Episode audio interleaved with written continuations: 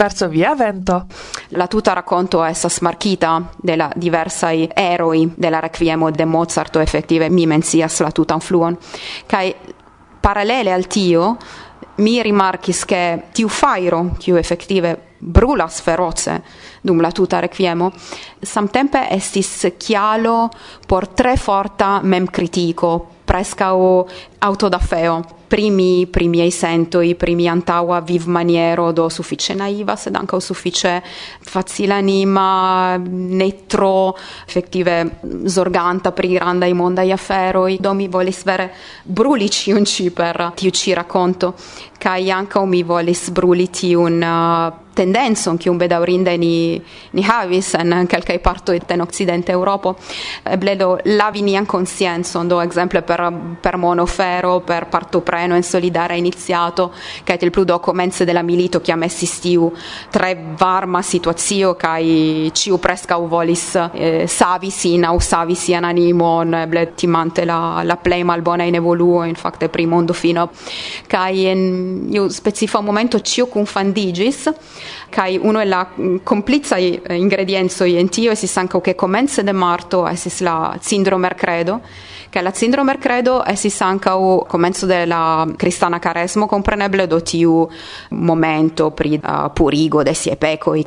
Sed Passintiare tio ancau connectigis aliu solidara iniziato por Ucrainio, al kiu mi partoprenis, post la ricevo della Zindroi kai cae la designado de tiu cruzzo fare della pastro, cae anco post predico kiu mi effettive auscultis, mi havis la senton che, ah, ado, mia fina calculo esis farita, cae do mi finas uh, cium per tio, cae non mi sentas pli bone, sed effettive tio tutte ne rilata sal tio kio casa sen lando bombata chi homo i mortas ki urbo i essas detruata i kaj do mi volis ankaŭ ĵeti en la fajron iusense tiun um, privilegitan in situazione kiu do pluraj el ni sentis uh, Eh, senti sangoron tamen eh, tio eblenesis tion prava considerante la, la okazintaĵojn. Mi scias che anche tio ĉar poste mi konsiis ankaŭ pri tio che tio ne, ne estis justa al mi mem ĉar ĉiuj rajtas eh, sentis sin en angoro en malfacila situacio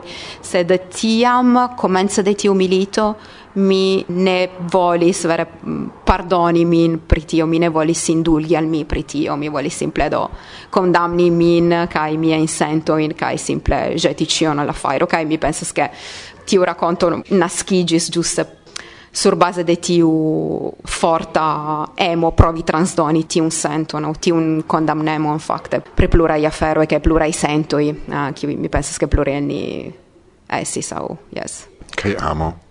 Chi estas amo en tio ĉio? Do amo estas anche en fakte la rakonto titoli già do Requiemo, ne hazarde, sed ĝi estas pritraktata laŭ specifa lenso, do temas pri perdita o neocasinta amo, ĉar kiam la ĉefrolulino spektas kaj auscultas la requiemo en teatro ŝi sola, CS kun um, chiama amato io sense sed la condamno la autodafeo io sense anche il covrasti un neocasinta namon kaj anche gian suprajan karakteron do ĉar temis pri obsedo aŭ poskurado de iu fetiĉo kaj ĉio fakte densiĝis en unu punkto kaj pluraj vojoj efektive kruciĝis en uh, en tiu racconto do compreneble tiu rencontigio con la perdita ne occasinta amo effettive ne, ne occasis en la realo. Sed uh, essis anca o bona ocaso por repripensi gin kai por uh, re, retrairi tiu parton de de mia vivo facte mm -hmm.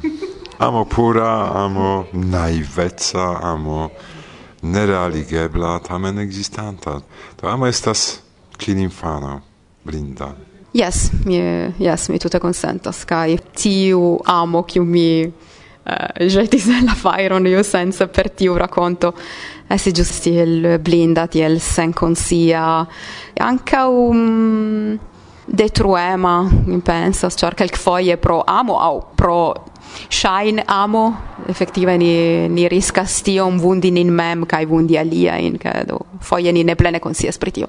Do kemio ne shine amo. Oh, yes. Fakte. Koran dankon pro tiu uh, renkontiĝo kaj mi esperas ke uh, sekvontfoje vi ĵetos iom da riĉeco el via koro kaj animo al la tablo de nia kuna festeno kiu nomiĝas Varsovia vento kaj ankaŭ tiuj kiu ŝatus manĝi tiun etosan eh, manĝaĵon proponatan de vi havus okazon tion gustumi simple. Provizora renkontiĝo en partizana cirkonstanco en ĉambro malantaŭ kiu okazas eh, plu evento. Koran dankon pro renkontiĝo kaj gis la sekva. Do koran dankon al vi, estis uh, belega babilado, kiu donis al mi la, la okazon paroli pri uno el la verkaĵoj al kiuj mi estas plej ligita. Mi pardonpetas pro la troa mm, um, e eble kiu mi enversis en la paroladon kai en la laŭtlegadon sed uh, temas giuste pri tio se stia un forta emocifluo kiu mi ne, ne ĉiam sukcesas mastrumi au dressi mi ege dankas vin kai anche ogni en ascoltanto incompreneble kai gis la venonta kai bla bla bla. Bla bla bla. Iem fairo brulanta en mia vivo vundas ci morde iam varmigas mi gin besonas por min senti viva quancam foie vere malfacilas ofte mi malsparis te. spenton frostan inter miai haroi. In assumin plucanti ca per plena i pulmon ci melodion creantan un passion mia voce venas ritme contra o tempe por surprizi cae por shangi la etoson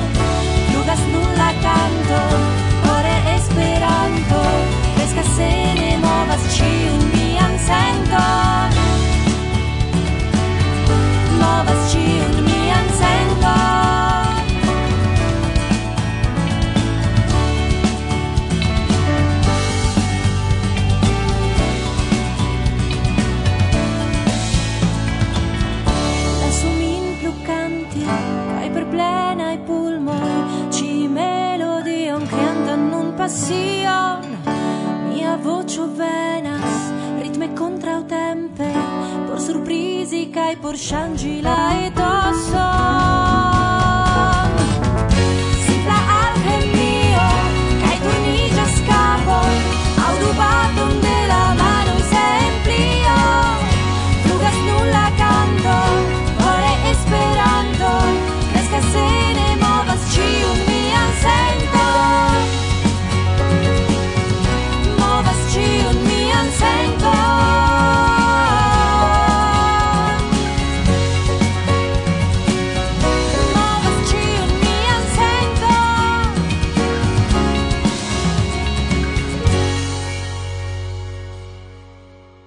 Saluton! Esperantisto, kiun hodiaŭ mi deziras rememori, estas parte konata, parte ne.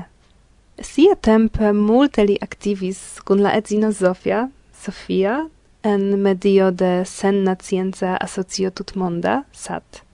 Tamen, malgrau lia aktiva dedicita ankaŭ al Esperanto vivo, lia plej videbla agado sekvis en la tempo kiam ne estis tiel facile kiel nun, exemple per app telefono, registri filmon kaj sonon. Temas pri Jerzy Fornel, profesia aktoro, ano de diversaj teatraj trupoj, fondinto de la Teatro Espero, kiu dum pluraj jaroj prezentadis en Varsovio ĉiu monatajn regulajn spektaklojn en la muzeo galerio Nusantara. Lian karakterizan voĉon bone scias ĉiu, kiu almenaŭ unufoje spektis la televidan kurson de Esperanto primazi. En ĝi li donis la voĉon al avida kaj avara Korvax, la chef ministro de Gondolando. Lia talenta agado konserviĝis ancau ce Varsovia Vento. Kunlabore ni sukcesis eksperimenti kune kunierzy pri radioteatro. Registritaj estis El la Verda Biblio de Izrael Lejzerowicz, Trompo de Emilia Lapenna kaj Aniaro de Harry Martinson en traduko de Gunnar Jelmo. Ligiloj al tiuj dramoj serĉu ĉe mia programero en la priskribo. Kelkaj vortoj pri vivo de Jerzy. Li naskiĝis en 1926 en vilaĝo Bliżyn, kiu troviĝas en la centra Polando inter Radom kaj Kielce. Kiel juna knabo li travivis la duan mondmiliton, post kiu li translokiĝis al Varsovio por studi en la prestigia Stata teatra altlernejo. Post diplomigio li igis aktoro, sed Krom fascinigita de pantomimo, li translocigis al Wroclavo por aligi tie en faman mondskale la polan pantomiman teatron de Henryk Tomaszewski. Ciu premiero de tiu teatro estis grava evento, ne nur en la pola kultura vivo. Samtempe li laboris ludante diversain roloin en la locai dramteatroi. Menci indas, ke en tiu tempo oni invitadis jeże ankaŭ ludi epizodajn en la dua au tria plano roloin en la polaj filmoj. Liston de tiuj filmoj facile oni povas trovi en la reto kaj revidi lin filmita. Sed plej bone ciam li sentis sin surseneje en teatro. En la okdekaj jaroj li, kun la edzino Zofia Banet Fornel decidis reveni al Varsovio. Tiam li aligis alla teatra trupo de la Pola Nazia Teatro kai sub influo de la edzino fondis la esperantistan teatron Espero. Zofia tiam multe aktivis en la movado, krome si grave interesigis pri historio de teatro esperantista, kiun si esploradis. Efike aperis tri kajeroj pri diversaj periodoj sub komuna nomo Historio de Esperanto Teatro. Tiu momento igis tre grava por Jerzy profondo de la Teatro Espero. Signife contribuis tion Zofia per adaptigo de la textoj. Post la unuaj provoj dum diversaj polaj aranĝoj sekvis turneo tra Svedio, Danlando, Nederlando, Francio kaj Britio. Esperantistoj povis admiri talenton de Jerzy en Vieno, Sofio, Berlino, Moskvo, Bonaero, Linz, Tomsko, Ateno kaj Kaunas. En la repertuaro li havis dek tri spektaklojn. Antau ciu, Zofia prezentadis bildoin el la historio de la Esperanta teatro kaj gvidis kulturtemajn konversaciojn. Lian lastan bravan spektaklon – kiu sekvis antau plena salono de la junulara publiko, oni povis admiri en 2011 dum la tria jes en Gdansko.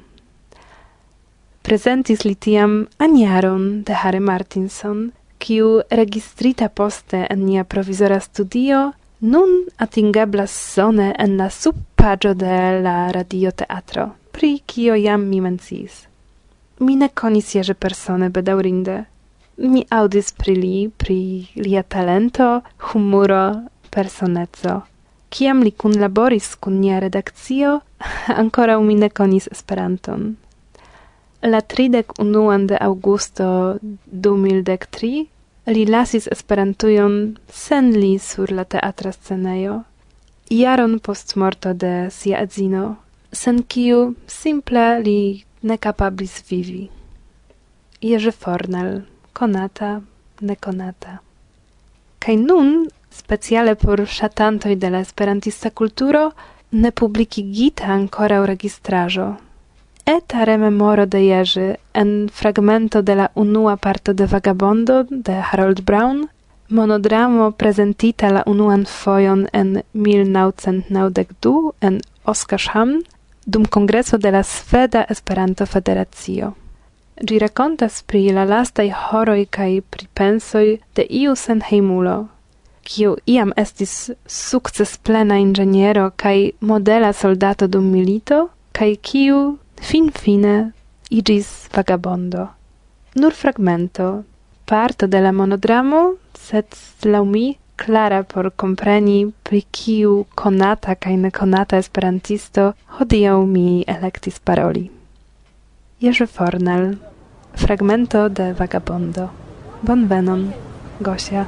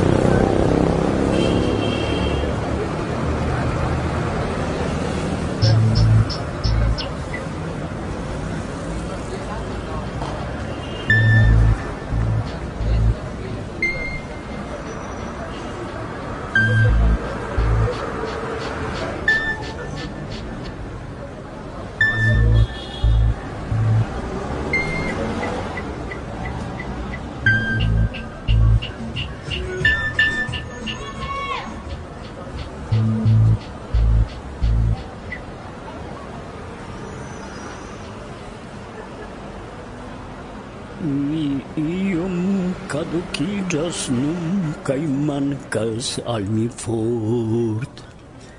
La vento blovas tra mi pli cae pli.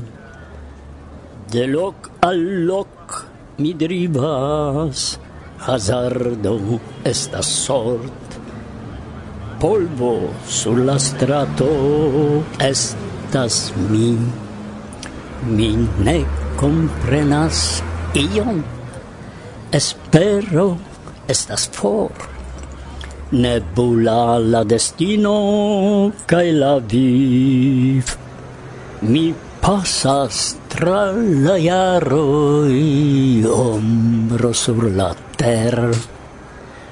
Strekita estas mi el la arkiv. Mian dorson mi presentas ciun tagon allabat. Lau stratoi mi bagadas kiel hund, sen resiste mi trenidas tra la jaroi de la fat. Baldau venos la mortiga vond. Set malgrau cio tio, mi fidas iela. Mi fidas ielon. Set malgrau cio tio, mi fidas je la viv. Oh, mi ciam forgesas la secondain vortoin, kio venas. Io venas nun. Mm. Giuste tie mi ciam paneas. Io pri... pri... Ah, ne gravas. Mi ciam... ciam forgesas tiujn sekvantajn vortojn, eble estas jam fino de mia memoro. Ho, rigardu! Rubujo. Hej, hej, hej, hej.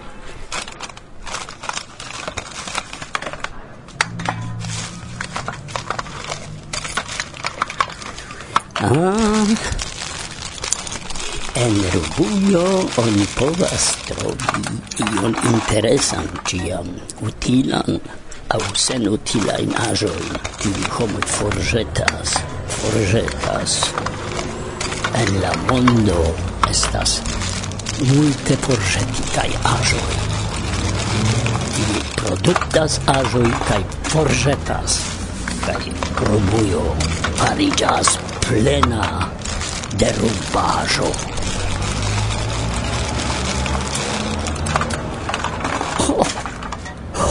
oh, rigardu! Ien io, kion oni ne renkontas ciutage snuro. A tia Ah, Restas ancora haretoi sur gi presca nova. Confessinde trovigas nodoi. Homoi ciam creas nodoin cae strecas ilin tiel forte iam mi posedis poŝtranĉilon kiu havis pikilon. Perfekta malnodilo, sed ĝi malaperis. Nun mi devas dependi de la fingroj. Utila estas schnurro mult valora Tiun pecon mi utiligos kiel ŝularĉon.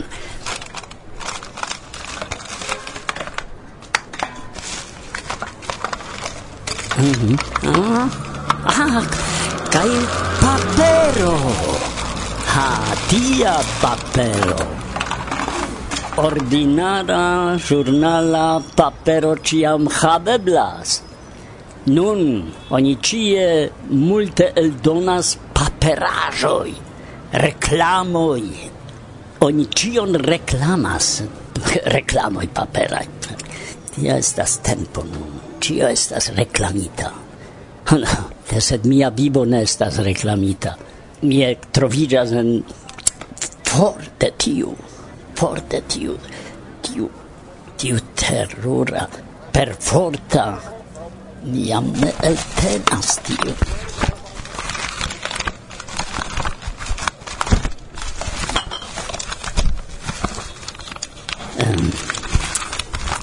Oh, ja, yes. Oh, ordinara giornata paper. Shainas che io ricevis pakajo. Donacon eble.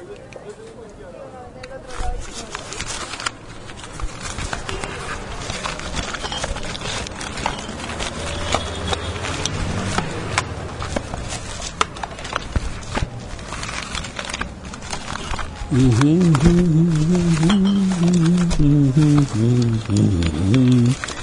Oh yes, yes, oni devas havi celon. Ciu devas havi celon.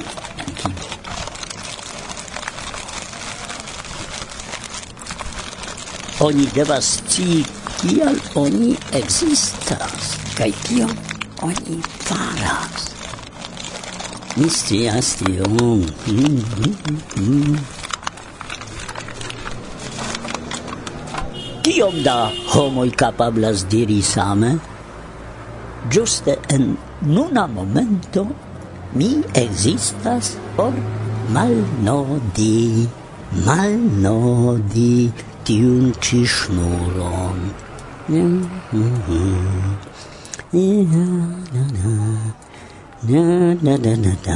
Mi iom kadukiĝas, no?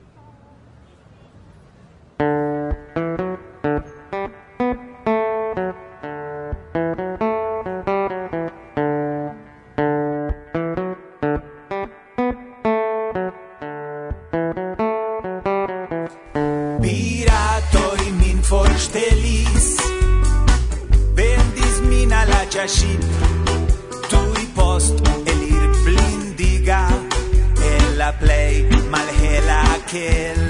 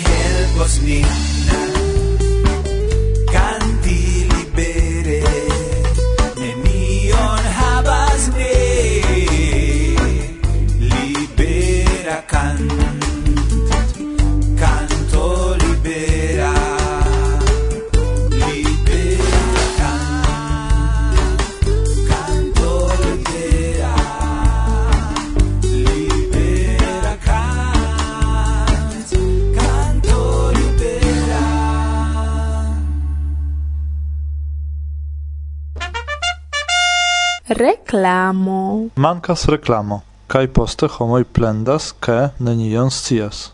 Bla, bla, bla.